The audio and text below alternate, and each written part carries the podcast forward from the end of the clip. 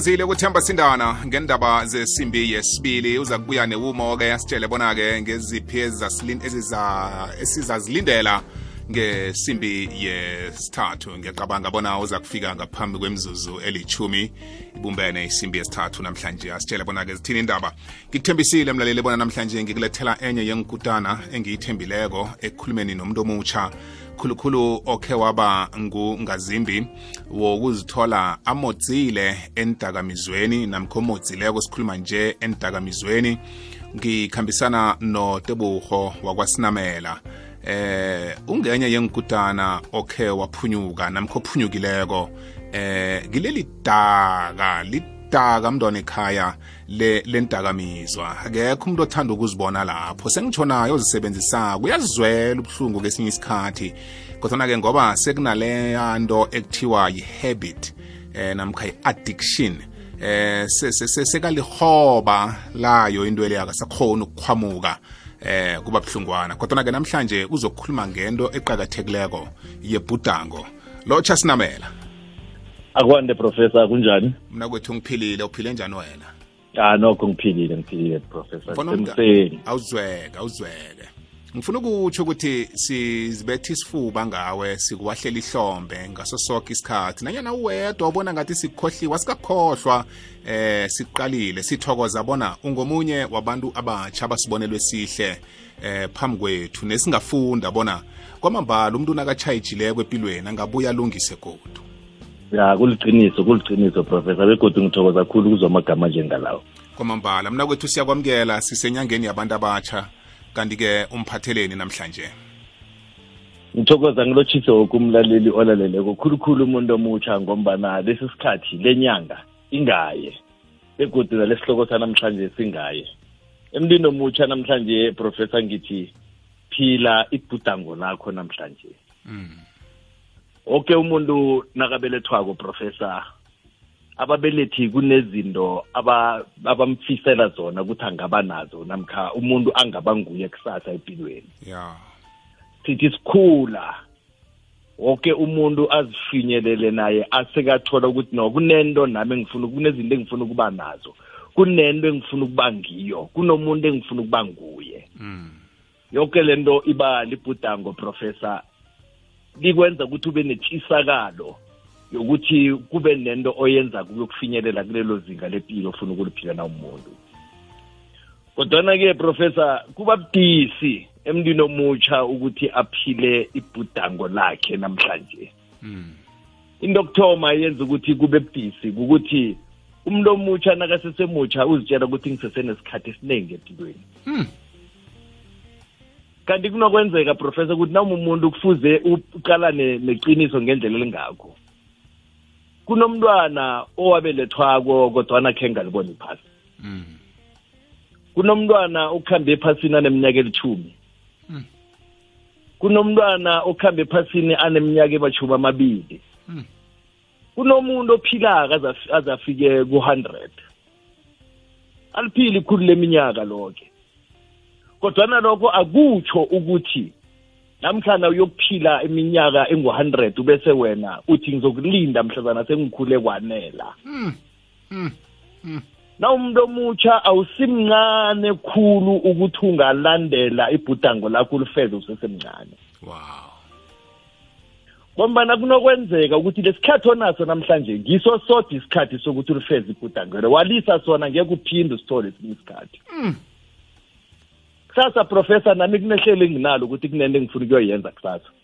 Yeah kodwana ukuthi ngiyifinyelela akusukungukuthi vele kukhona ku-guaranteed. Kuyobe sekwenziwe mumusa ukuzima usangigcinile phasini ako ukuthi ngisakunike elinye ithuba. Mm.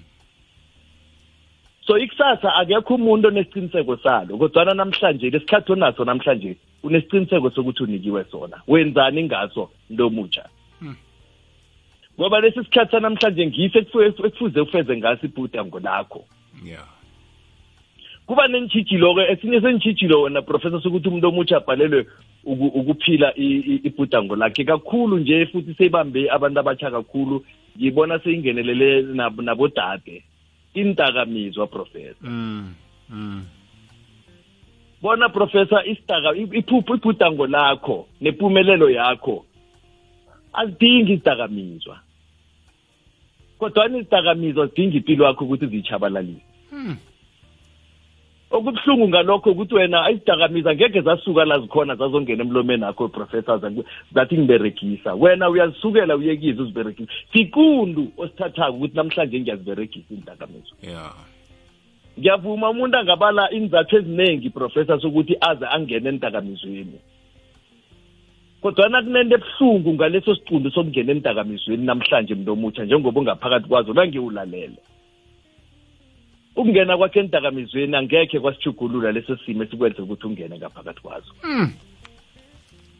Ukuberekisa kwakhe indakamizwa angekhe kwakwenza ukuthi ube ngudohotera kusasa kodwana kuzokuchabalalisa ibhudango lokuthi ube ngudohotera awuthomi ukuba ngudohotera ngoba uphethe isitifiketi sobudohotera professor. Yeah isitifiketi sobudohotera vele sesiyakhonfema ukuthi lo muntu ngudohotera ngoba soke lesikhathi bokade uphila njengodohotera ucabanga njengodohotera ukhuluma njengodohotera wenza izinto njengodohotera so namhlanje isitshijile esikhulu esikalene naso sibusi babantu abatsha zindakamizwa sizibona kwangayo indakamizwa ngizi izinto ezenza ukuthi umuntu kubonakale ukuthi uyaphila kanti ngizi izinto ezikwenza ukuthi uhlongakale. Ayikho into ebuhlungu professor njengokubotshwa yinto njengokubotshwa yinto enganazandla.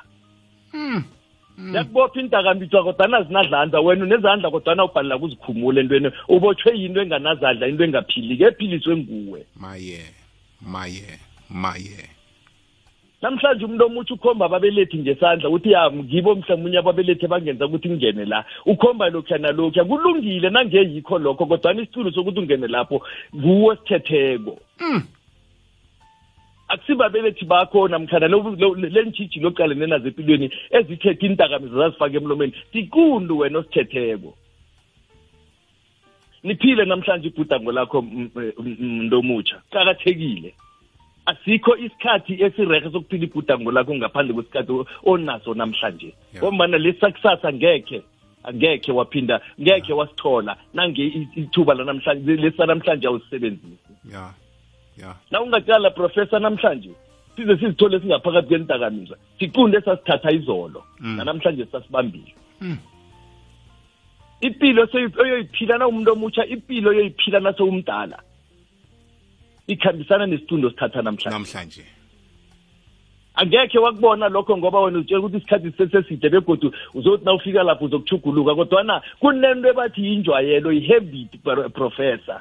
Abantu abaningi abasi-addicted kuma-drugs kodwa ba-addicted ku-habit yokungaqalani nepilo ngendlela ingayo. Abantu abasi-addicted kuma-drugs professor kodwana ba-addicted ku-habit yokuthi baqalane neentshijilo baberegise indakamizwa yeah hey umuntu akasakhoni namhlanje ukuqalana neentshijilo aqalane nazo asoba. Bese bathi umuntu u-addicted entakamizweni. Kanti asi-addicted entakamizweni. Ngenye yezinto professor ngathi nangihlala phasi ngicala ngabona ukuthi kuhle kuhle. Mina mana ngisi-addicted entakamizweni. Kuhle kuhle mina ngi-addicted ekubalekeleni nokuqalana nobunjalo bepilo.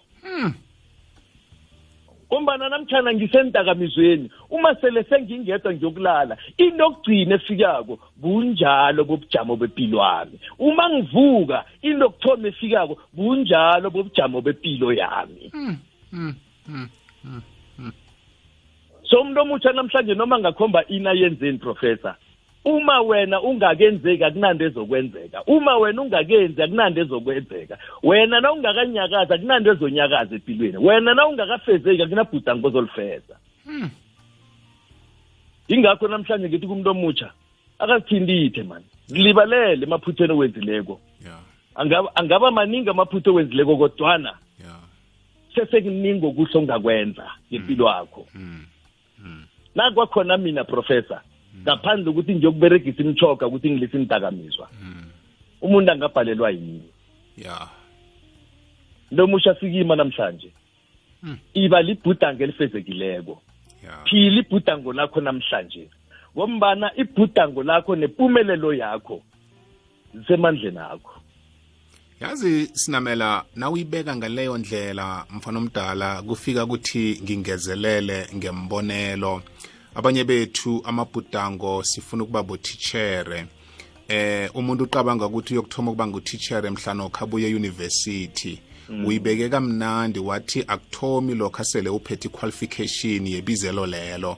Nawukuthi ngaphakathi kwakho ufuna ukuba ngiloyo titshere kuthoma ngabantwana be-matric sikhuluma njenganje ukubasiza ngembalo ukubasiza ngemfundo ezibathwenyako eh ku- ku- kuthoma kokuphila ibhudango lakho lokho. So uyazibona ungutitshere ukwenza lo msebenzi nanyana ungakafiki ekutheni eh, uphathe iziqu zakhona kodwana usendleleni echinga lapho.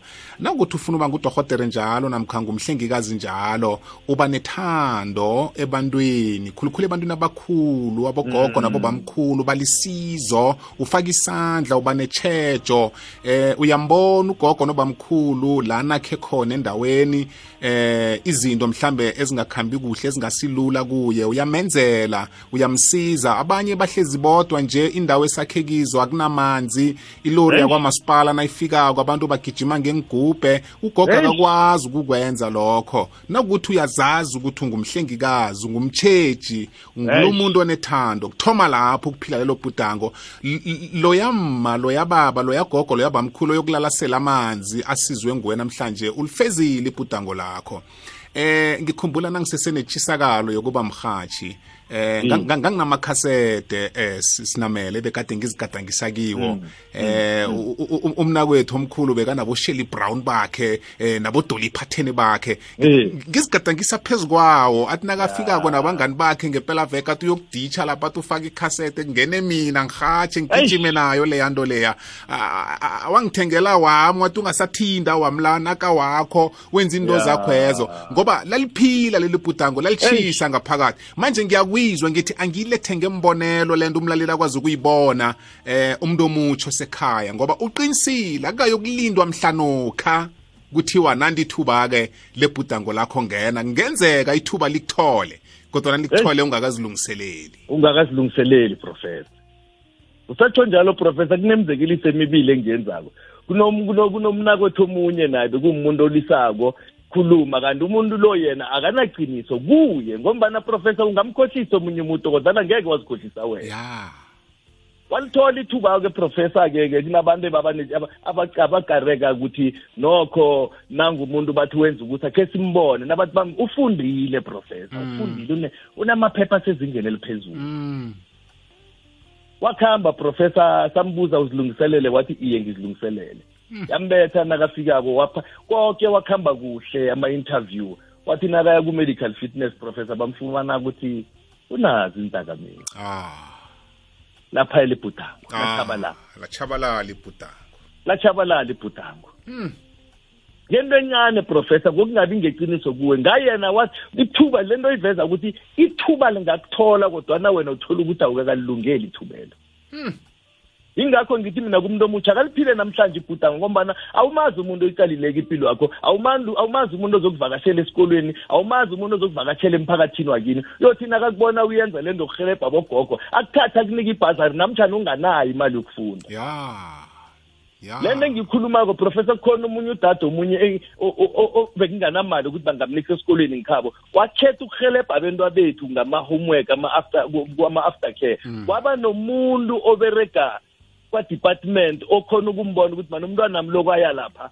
Umntwana lo mani akasafani nakuthona sekuthomeni. Ya. namhlanje nangu uyadobhadobha intifiketi kwathi nakuvela imfundaze wamtshela udade loyo wathi nawe aplya Eish. nangembala wa-aplya udade loyo ngikhuluma nawo uprofessor unyaka lo yokuthoma i-first day yakhe njengotishera kwamambala phila ibhudango lakho.